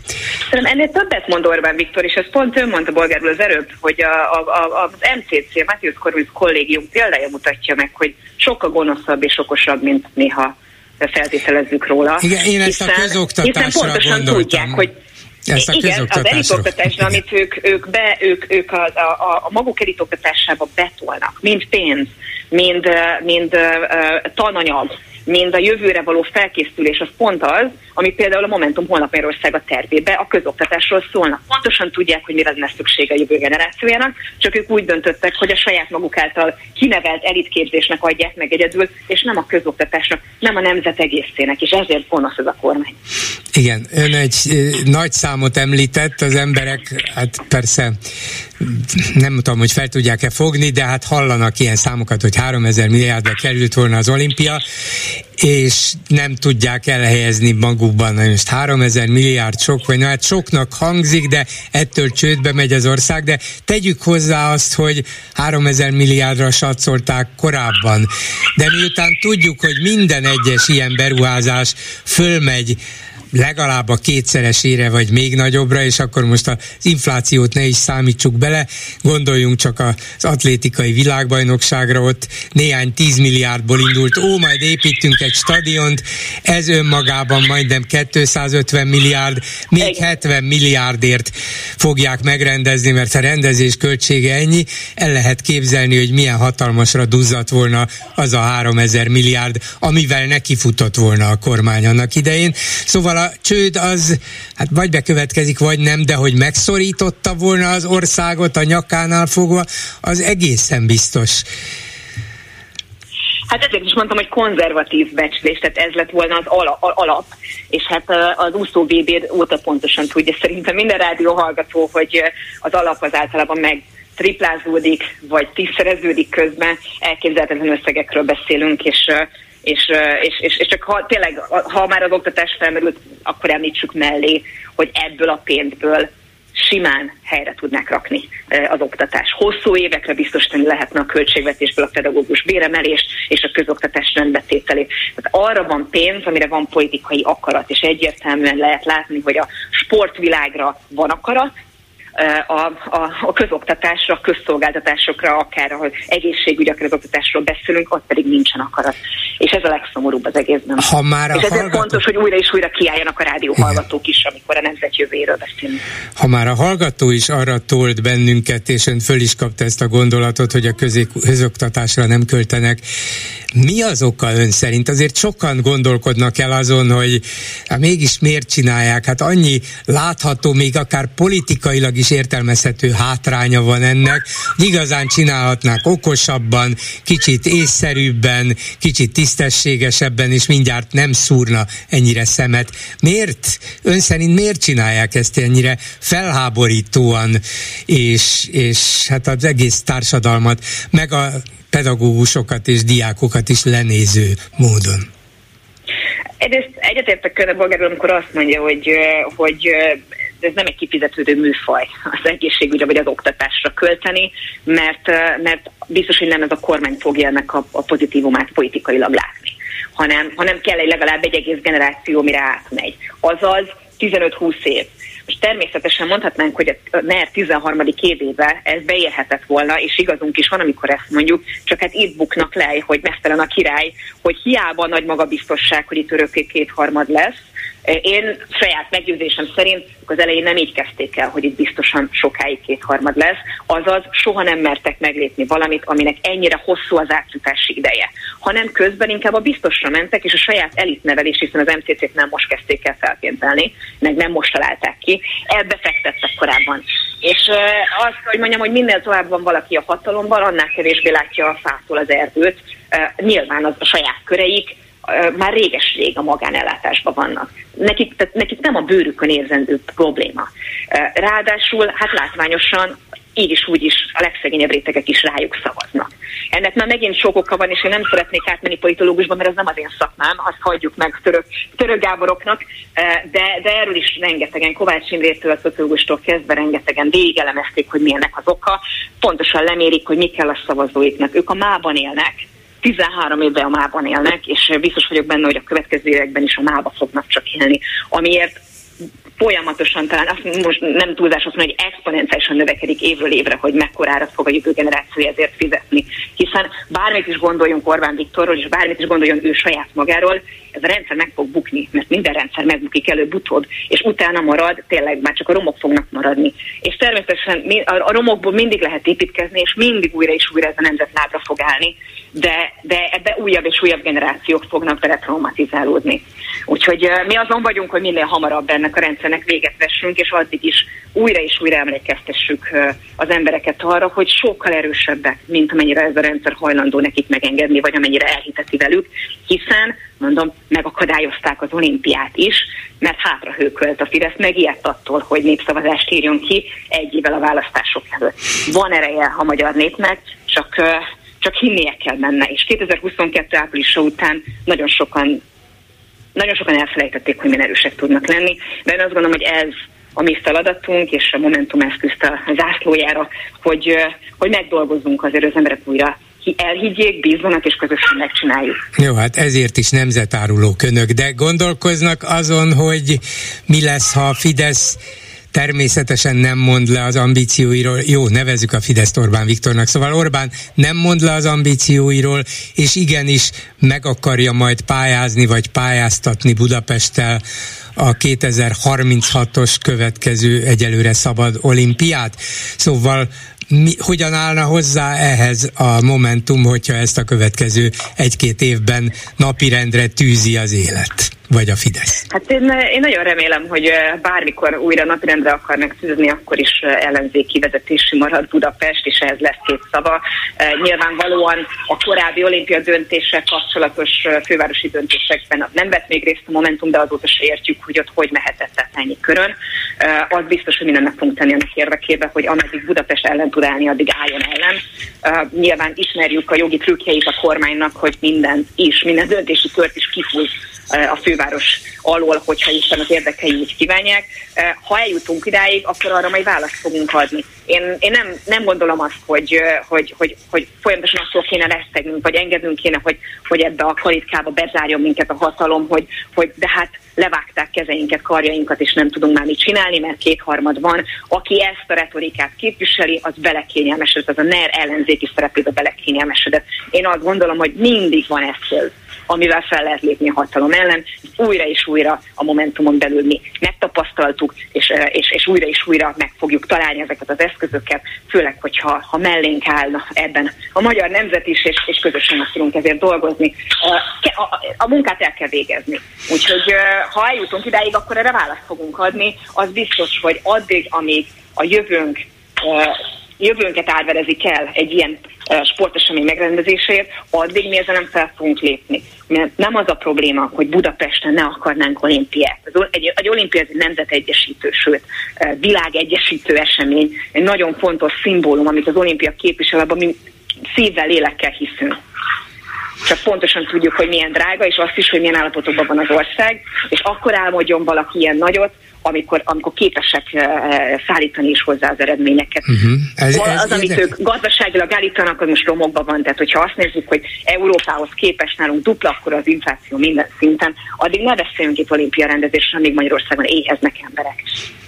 Ezt, ezt igen, ebben igaza van, de azért én azt is kivettem a szavaiból, hogy de esetleg 13 év múlva azért meg lehet fontolni, hogy rendezünk-e olimpiát.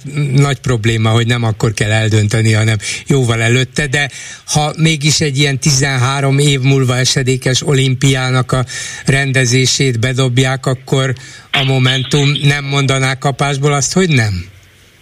Hát én erre most sajnos, és itt aláhúznám a sajnos, de nyugodt szívvel azt tudom mondani, hogy egyből, hogy nem. Hiszen ha 13 év múlva olimpiát akarnak rendezni, azért már most el kéne kezdeni, megalapozni.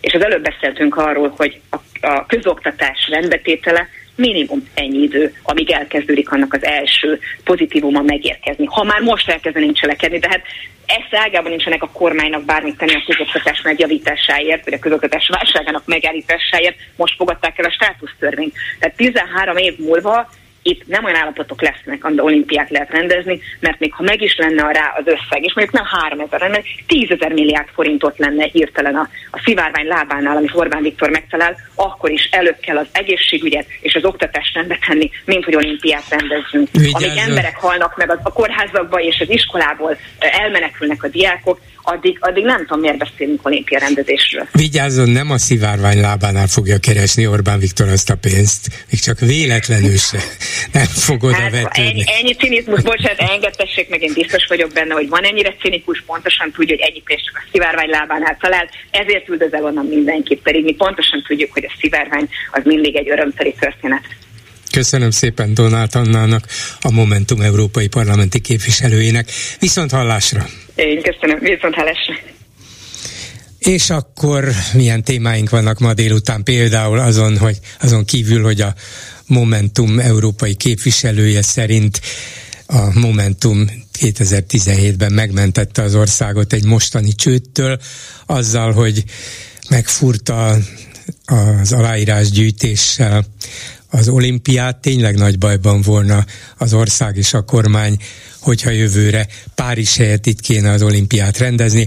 Aztán Karácsony Gergely fölényesen nyerne egy mostani főpolgármester választáson. Ezt mutatta ki a Medián és a 21 kutatóintézet. Igaz, nincs még ellenfele a Fidesz oldalon, tehát csak egy általánosan név nélkül megnevezhető Fideszes ellenfélel szemben volna 20 százalék pontos előnye, de akkor is meglepő, hogy mindent megtettek most már évek óta karácsony politikai szétverésére, egyelőre úgy látszik, hogy sikertelenül mi van még? Kocsis Mátének ez a meghökkentő támadása Jámbor András ellen, akit lepedofilozott, mert a hozzá köthető Szikra mozgalom egyik aktivistájának, a volt élettársának a laptopján pedofil felvételeket találtak. De hogy jön ehhez Jámbor András, és hogy lehet őt pedofilnak nevezni?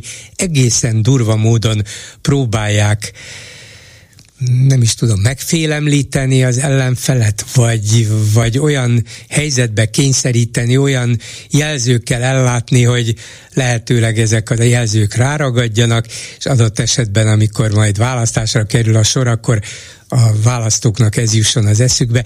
Szóval egészen gátlástalan, ami történik gyűlnek, gyülekeznek a Fidesz fejesek tusványoson, Potápi Árpád, nemzetpolitikai államtitkár egy nyilvános beszélgetésen azt mondta, hogy ő csak három dolgot tud rajzolni, Nagy Magyarországot, lovat és nőt. Hát úgy látszik ez a mostani magyar nemzetpolitika. És erre még büszkék is. 387 84 52 és 387 84 53 a számunk. Háló, jó napot kívánok! Tiszteltem, jó napot kívánok! Földes Gábor. Parancsoljon! Hát én Donát Annával együtt érzek, meg egyet is értek vele, mert itt Magyarországon olimpiát rendezni, ahol nyomor van, éhezés van, diktatúra van, a jogállam ez nem is működött soha, Hát ezt kellene rendbe rakni ennek az országnak, ugye, aki kétharmadát a területének elveszítette, a magyar, magyarok szétszórodtak a világba, már igazi magyar nem is tudom, hogy hol van, Hát itt, va, itt vagyunk mindannyian. Igen, igen. Mert igazából akkor már ezt a kormányt is félre kellett tolni az 1848-as magyaroknak, meg az 1956-os magyaroknak. Sajnos ők elpusztultak, meggyilkolták őket, és ugye utána jött egy 56, egy, egy kommunista rendszernek a gyalázata, amit Kádár művelt a magyar néppel, hogy behívta a szovjeteket és legyilkolták a magyarokat. Ugye, és azóta diktatúra van ebbe az országba, amit Orbán irányít.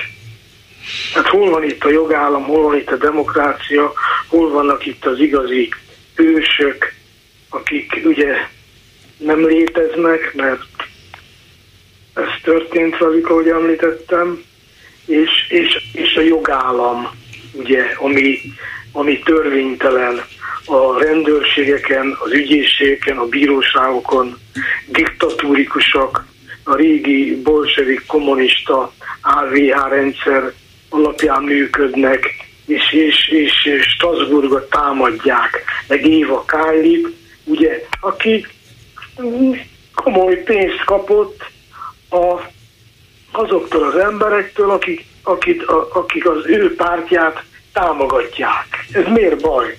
Ez csak a Fidesznek baj, senki másnak. Ugye itt is karácsonyba belekötnek emiatt. Hát ha nekem van milliárdjaim, vagy millióim, akivel én szimpatizálok, annak adom.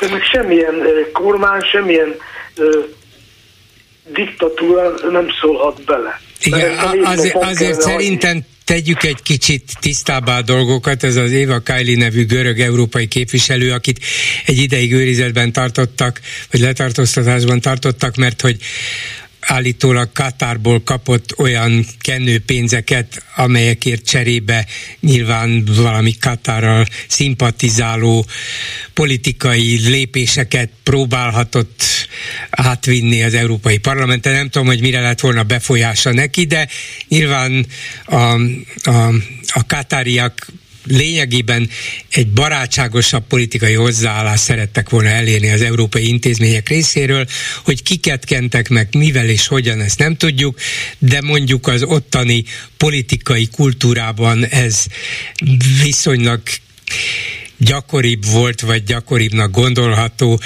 Hogy elfogadni ezt mm, nem, nem volt tisztességes, az biztos, bár egyelőre az sem lehetett bizonyítani, vagy nem bizonyítható, majd talán egy bírósági tárgyaláson igen, hogy valóban elfogadott-e pénzt, és mire fogadott el pénzt, minden esetre ez a gyanú, de ez egy dolog, nem szép megvesztegetve lenni akármilyen politikai célért. A karácsonynak érkező külföldi támogatások, az, az egy más dolog, ott nem megvesztegetésről van szó, ott nem kenőpénzről, hanem arról a politikailag egyenlőtlen helyzetről, hogy a kormány, illetve a Fidesz a választásokon lényegében számolatlanul használhatta a közpénzt a saját politikai és propaganda kampánya finanszírozására. Ellenben az ellenzéknek gyakorlatilag nem volt pénze, és a külföldi támogatás nem volt tiltott, e pillanatban sem tiltott, hogyha ez civil szervezeteken keresztül érkezik. Hogy aztán ezzel hogy számoltak el, mennyire szabályszerűen, és mennyire nem, ezt nyilván vizsgálni fogják, de önmagában ez nem megvesztegetés, ez nem kenőpénz, ez nem azt jelenti, hogy karácsony és az ellenzék a külföldi megbízók szolgálatában állt, egyszerűen megpróbálták őket segíteni abban, hogy valamilyen észrevehető politikai kampányt folytassanak hát le valamilyen pénzből. Hát igen, a Fidesz diktatúrájának a, a támadásai, ezek mind. Hát itt semmilyen ö, olyan ö, bizonyíték nincs, ami, ami bűncselekményre utalna Karácsony Gergely esetében. Hát egyszerűen ez, ez, gyalázat. Nincs, hát e, egyelőre arról beszélnek, hogy majd meg kell változtatni a törvényeket, mert ez így nincs rendben. Hát ha meg kell változtatni a törvényeket, akkor azt jelenti, hogy az, amit ők karácsony rovására felhoznak, nem büntethető, nem bűncselekmény. Csak szeretnék, hogyha az lenne majd. De egyelőre itt nem. A, itt a, a, a nagy baj az, a kormánynak a fejére, hogy egyszerűen nincsenek tisztában azzal, hogy jogilag nem tudnak érvényesülni ezzel, mert van Magyarország fölött nagyobb hatalom, aki ezt meg tudja vizsgálni, és, és mit érnek ezzel el? Hát ez, ez, ez, ez lejáratás a Fidesznek a fejére lehet mérni, mert ők, amit művelnek, szégyen gyalázat. Hát, hát menjenek be a bíróságra, az ügyészségekre, és ott rakjanak rendet, meg a rendőrségeken, hogy mit művelnek ezek.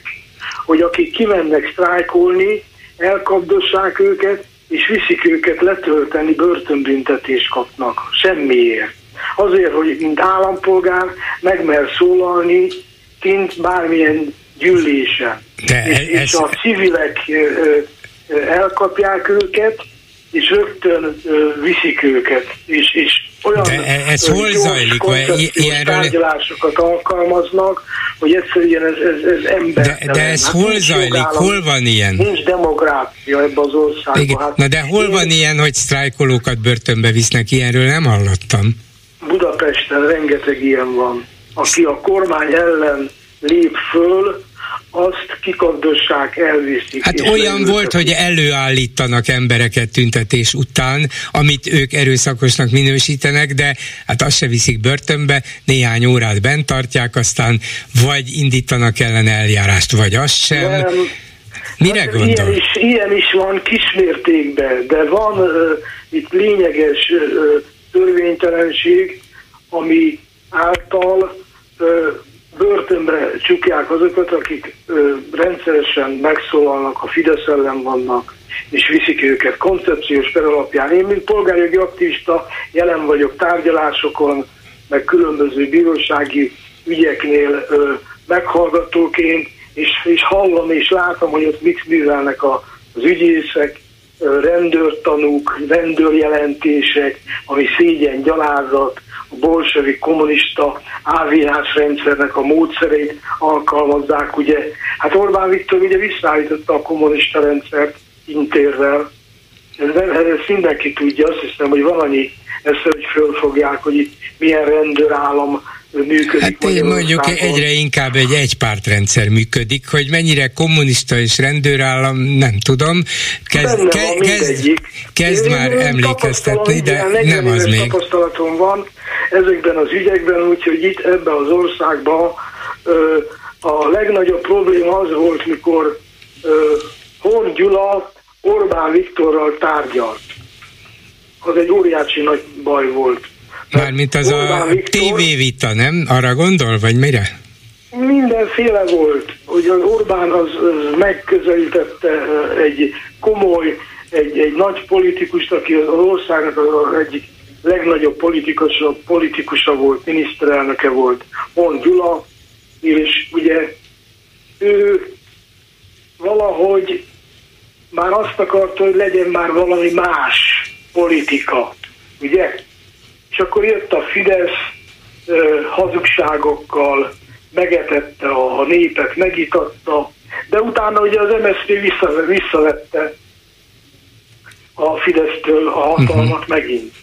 És, és utána csak, csak az lett az egészből, hogy, hogy a Fidesznek a, a rafinált, hazug politikája az, az, az győzött. Mert, mert mi kell a magyarnak? Meg kell etetni, hazudni kell neki, és, és, és kész. Hát, szóval itt, itt nincs gerinc, igazából nincs ö, ö, olyan felfogás, ami, ami tényleg ezt az országot előre vinné. Hát egy ilyen ország, aki gerincbe lett törve, el lett véve a kétharmad, ugye, meg a nép szét lett szórva, ugye, hát ez egy szégyen gyaláza. Hát, hát mindenhol, ahol a magyarok leszakadtak, gyilkolják őket. Mai napig is. Ugye? Hát milyen, milyen, milyen nép ez, meg milyen rendszer Én még a magyar állampolgárságomról is lemondtam de nem vagyok kíváncsi ilyen köztársasági elnökre, aki olyanokat enged szabadon, akik gyilkoltak, ölték. Még a a kisebbségeket, a romákat. De ne, nehogy a végén állampolgárság nélkül maradjon, mert az, az nem jó, valamilyen állampolgárság kell. Különben hát- sok jogot elveszít, úgyhogy ne, ne cselekedjen meggondolatlanul. Én nem ragaszkodom a magyar állampolgársághoz, mert én, én nem tartom gerincesnek ezt, az, ezt akik így elviselik azt, hogy egy diktatúra uralkodjon, ahol nincs, nincs az embernek nincs értéke. Van aki, van, aki elviseli, van, aki nem viseli el, úgyhogy szerintem végül is rajtunk múlik, csak kellene még több ember, aki úgy gondolja, hogy ez már elviselhetetlen. Pontosan így van, hogy tetszik mondani. Itt az ellenzéknek kőkeményen össze kell fogni.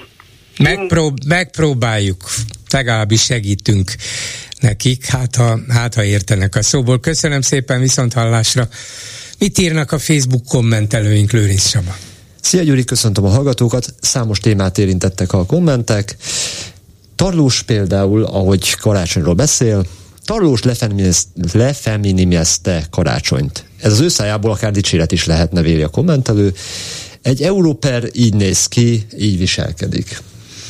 Igen, nem először tette, de az az érdekes, hogy Tarlóst bezopták itt, hogy nyilatkozzon, nyilatkozzon. Nyilván nem egyszerűen neki jutott eszébe, hogy ná, már nem bírom tovább, szólnom kell karácsony miatt, hanem szóltak neki, hogy Tarlós úr, vagy ahogy Orbán szólította mindig, főpolgármester urunk, nem nyilatkozna? Ez az érdekes egyébként, hogy amikor fideszes politikus fideszes politikusra utal, akkor vagy miniszter úr, akármilyen úr, de amikor például egy ellenzéki politikusa akár hivatalban van, vagy akár már nincsen, csak miniszter, csak... Nem, akkor azt mondják, hogy pedofil. Igen. Soha nem fogok megbékélni azzal, hogy Magyarország jövőjét meghatározó miniszterelnöki és kormány kijelentések egy idegen országban hangzanak el, és onnan tudjuk meg őket, utal egy kommentelő a, a tusványosi eseményekre. Hát ott a sajátjai között ott, ott érzi magát legjobban, és ugye nem véletlenül idéztem, és nem véletlenül mondta főleg ez a nemzetpolitikai államtitkár, hogy három dolgot tud rajzolni. Az első nagy Magyarországot. Ennek a szellemében gyűlnek ott össze, ezt most már ki is mondják. Tegyük hozzá, hogy egy, nagy, egy rántott hús szeretet rajzolni nem hiszem, hogy a legnagyobb teljesítmény. El nem hasonlítanám azért ehhez, de ő például nyugodtan mondhatná azt, hogy például rántott hús nagyon jól tudok rajzolni, de nem ezt mondta. Ezzel kapcsolatban az egyik kommentelő azt mondja, ha a kormány felelős tagjai ennyit tudnak rajzolni, egy, ne rajzoljanak, kettő, és nem mondják ezeket a baromságokat, csak az alkalmatlanságokat teszik nyilvánosság elé. E, pedig ezek az üzenetek sokakhoz szólnak, és valószínűleg nem úgy reagál ez a sok ember, ahogy például a mi Facebook kommentelünk, vagy ahogy én tényleg nézek ki a fejemből, hogy mi ezt volt képes mondani egy államtitkár. Ezt nem, nem is értem, hogy egyébként tehát ünnepeljük a korlátoltságunkat, vagy a korlátainkat? Nem, nem, nem tudom hát belátni. Azt akarta jelezni, hogy ez a fontos neki. A nagy Magyarország a magyar hagyományokból a ló, hát nem mintha ez annyira a magyar jellegzetesség volna, és a nők. Hogy jönnek ide a nők? Ezt, ezt én is értem. Folytatja azonban a kommentelő. Amennyi, amilyen a vezető, vezér, Orbán, olyan a csapata. EU kieső zóna. A NATO-ban meg meg se említik. Legalább Erdogánt igen. Röhely. Hát igen, de valószínűleg ez nyomasztja Orbánt, hogy kicsik vagyunk, és ő nagyobb akar lenni. Ez sajnos van, van esélye elérni, ahogy én látom, csak nem biztos, hogy az eredmény jó. Egy másik komment pedig a Zeneakadémiáról. Érteni vélem a Zeneakadémia pályázatát, Ákost esetleg felrúlt a Zeneakadémia élére alkotó művész. Hát igen, persze. Még, Még van ötlete, de még erre kaptunk egy másik lehetőséget is, Tóth Gabi. Na. Aztán a végére egy... Ö, Nagy más... figyelem irányulna mindjárt a Zeneakadémiára. Az biztos, tehát szerintem nagyon sok kifejezés hangzana el. Donát Adnáék sikeréhez juttatták a kormányt, állítja egy kommentelő annyiban sikerült bizonyítani, hogy olimpiai beruházási, beruházási lopások nélkül is sikerült nekik eltüntetni 3000 milliárdot. Ez bizony szintén igaz. De ha még három ezret el akarnának tüntetni, akkor tényleg óriási baj volna. Igen, és hát ez... Nem fognak lemondani róla, nem, nem azért nem, mondom, hogy nem, megnyugtassuk nem, magunkat, nem, nem mondanak Talonban mindig ott van az, hogy még egy kicsit rátegyünk valamire a praclit. Aztán nagyjából ennyi volt most a komment szekció. Akkor jó. Ennyi, ennyi igen. Köszönöm szépen, Köszönöm egy szépen. hallgató a vonalban, jó napot kívánok! Jó napot kívánok, Mészáros László vagyok. Parancsoljon! Egy nem sokkal ezelőtt a Donát Annával beszélgetett, aki mondta, hogy milyen jó, hogy nem kell 2024-ben olimpiát rendeznünk. Igen. Mert hogy az a 3000 vagy azóta már nyilván... Akkor már csődben lennénk. Forint, igen. Um, hát csődben azért nem lennénk szerintem. Nyilván nagyon nehezebb lenne a, a pénzügyminiszternek a helyzete, tehát igazából most sem fenyegeti szorosan véve csőd az országot. Hát lényegében ilyen 31% körüli forgalmi adóval terhelik az embereket, reálbércsökkenés, ilyesmi, mindenféle megszorítások vannak, amelyeket azért mindenki érez a bőrén, és a népesség 70%-a mondja, hogy rossz irányba haladnak a dolgok, de továbbra is jutnak 10 meg 100 milliárdok presztízs beruházásokra, presztízs vásárlásokra. Ez azt jelenti, hogy hogy vannak olyan kifizetések, amelyek fontosabbak, mint az, hogy hogy a, az embereket mennyire lehet megsarcolni. Nem tudom, hogy hogy, hogy balanszírozza ki a Rogán minisztérium azt, hogy mondjuk 200 milliárd forintnyi propagandával 2000 milliárdot ki lehet húzni az emberek zsebéből, hogy, hogy milyen szorzókkal vagy milyen arányokkal számol, de, de úgy tűnik, hogy elég jól csinálja. Viszont a Donát Annához lenne egy kérdésem, vagy önhöz bolgárul, mert Donát Anna már nincs itt. Tegyük fel, hogy mondjuk a Momentum megnyeri a 2024-es előrehozott parlamenti választásokat, és neki lát az oktatás rendbetételének. Ki fogja nyerni a következő parlamenti választást? Igen, hát ez egy jó kérdés. Nem csak ettől függene persze, de... Nem csak ettől, sok mindentől. Miért van az, hogy, hogy mondjuk egy skandináv országban nem nagyon lehet uh, ilyen uh, kosárból szórom a pénzt a népközé programokkal választást nyerni, majd utána három éven keresztül visszaszedni ennek a pénznek a többszörösét, kiosztani a haverok között, majd a választások előtt megint kosárból szórni a pénzt a nép közé. Valamiért ott ez nem működik nálunk, meg igen. Vajon miért? Hát mert az emberek megtanulták már, hogy mi a dolga az államnak, mi a dolga a kormánynak, mi a dolga egy demokráciában élő, felelős állampolgárnak, mire kell figyelnie, minek nem szabad hinnie. Nálunk meg ezt még nem tanulták meg, és a Fidesz tesz is róla, hogy ne is tudják megtanulni, ezért folyamatosan és gyakran vezeti félre őket. Vagyis mondjuk, hogy nem nőttünk ki még a jobbágykorból és jobbágy módon gondolkodunk. Élesebb hasonlatot is tudnék mondani, de leginkább a amit ma megehetsz, ne halaszt holnapra. Igen, Tehát, biztos, nagyon, rövid, ilyen... nagyon rövid távon ö, gondolkodó gyerekeket nevelnek azok az emberek, akik nagyon rövid távon gondolkodnak, és azért nem mondtam, hogy ilyenek a magyarok, mert nem a magyarok ilyenek, hanem egyszerűen eb- ebben nevelkedtünk, ebben nőttünk bele, nagyon nehéz kimászni belőle,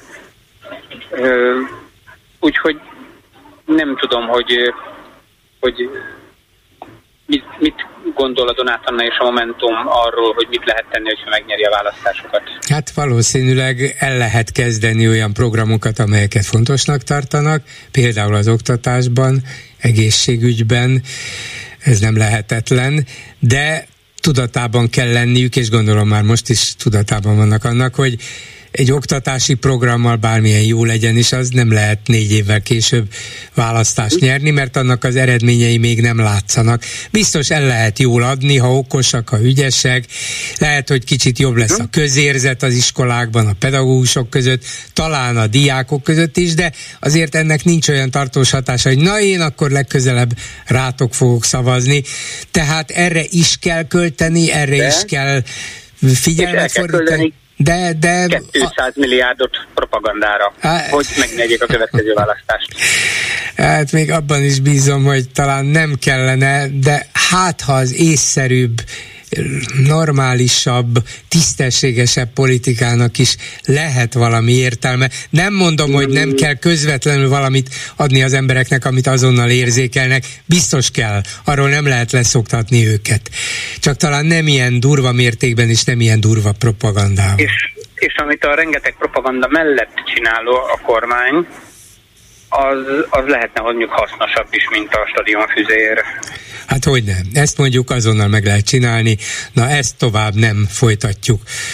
És, és akkor az emberek ja. jelentős része úgy érezné, hogy hát tényleg ez egy lényeges változás, ettől ugyan nekem nem lesz hirtelen jachtom az Adrián, de azért az mégis botrányos volt, hogy hogy költötték erre az ezer milliárdokat, úgyhogy legalább erre nem. Na, az órára néztem, úgyhogy szerintem enyém volt az utolsó előtti szó. Önél lesz az utolsó. Ja, így vár stimmel, így valóban, így van. Köszönöm szépen, hogy hívott viszont hallásra. És akkor az utolsó szó jogán elmondom, hogy a megbeszéljük mai műsora ezzel véget ért. Készítésében közreműködött Petes Vivien, Lőrinc Csaba, Leocki Miriam és Horváth Ádám. Bolgár Györgyöt hallották, viszont hallásra holnap. Most pedig jön az Esti Gyors. Esti Gyors, a hírek háttere. Jó estét kívánok, Szénási Sándor vagyok. Egy hír és a háttere. Nem volt kérdés, hogy a világmédiát egy perc alatt befutja az a felvétel, amelyen a Hungarian Open Budapest Grand Prix tornán a magyar Tóth Kiara Amarissa, miközben kínai ellenfele vitatta azt a vonalbírói döntést, hogy a labdája elhagyta a játékteret, oda rohant a labdanyomhoz és széttaposta. Aztán visszament a helyére, miért nem ment volna, dolgát elvégezte. Mindenki tátott szájjal állt, illetve ült, ha a közönséget is ide vesszük. Chang Shuai az ellenfele ekkor feladta. Korábban ugyanis már volt egy hasonló vita, amikor is a vonalbíró, de a székbíró is autót ítélt Chang ellen, holott, ez a videófelvételen világosan látszott, a labda érintette a vonalat, tehát int kellett volna ítélni. A magyar versenyző így igazságtalanul kapott egy pontot, ám ez akkor nem az ő hibája volt. A második esetben azonban, amikor szándékosan gátlás nélkül taposta el az egyetlen bizonyítékot, ami még esélyt adott volna egy fair, sportszerű, tehát igazságos döntésre, egy olyan viselkedés kultúrában játszotta el, amit eljátszott, ahol a nyilvánosság nem számít. A büntet nyilvánvalósága tudnélik, csak a végeredmény fontos. A végeredmény pedig a labdanyom hiánya. Hogy ez hogyan állt elő taposás, pimasság, cinizmus által, azon az érzékenyebb lelkűek ugyan molyolhatnak hajnalig, de hát kit érdekel. Magának kereste a bajt, mondta tömören Amarissa a Kossuth Rádiónak kínai ellenfeléről. Nem értem, miért csinált ekkor a balhét, hogy a bíró döntését felül akarta bírálni. Ugye milyen ismerős? Két dolgot azonban rögzíthetünk. Annak, hogy ami Amarisszánk történetesen magyar, különösebb jelentősége nincsen, a nyomtalanító jöhetett volna majdnem bárhonnan, de azért a különösebb és a majdnem szavak jelzik, hogy e sorok írója számára mégiscsak nehezen elképzelhető, hogy egy amerikai, japán, svájci vagy norvég teniszező ezt a lépést megtette volna. Bár kétségtelen, az a lista még hosszabb, ahol ez a sportolói mentalitás nem elképzelhetetlen, esetleges összefüggésben a hazai szokásokkal, az elit moráljával, a politika határátlépéseivel és egyéb a társadalmat trenírozó viselkedés mintákkal. Ebben az összefüggésben ki tudja, az Orbán rezsim már a tökéletesen érlelt gátlástalanságával, a büntettek nagy nyilvánosság előtt elkövetett laza természetességével mennyire befolyásolták a mi Amerisszánk eljárását. Lehet persze, hogy semennyiben. Az egyéni döntéseknek is van tere végül is egy ennyire még szabad országban. Bűnözhetsz is, de nem is muszáj. Azért a dologhoz a végjáték még hozzá tartozik. A kínai versenyző mindennek ellenére kezet fogott a Marissával, aki győzelmét fölemelt kézzel megünnepelte, és most készül következő meccsére. Amit tett, annak következménye ugyanis az, hogy tovább jutott. Semmi pontelvonás, semmi büntetés. A sportvilág ugyan őrjöng, de, mint már említettük, ez nem számít. Egy jó sarok, jó helyen, az számít. Esti gyors, a hírek háttere.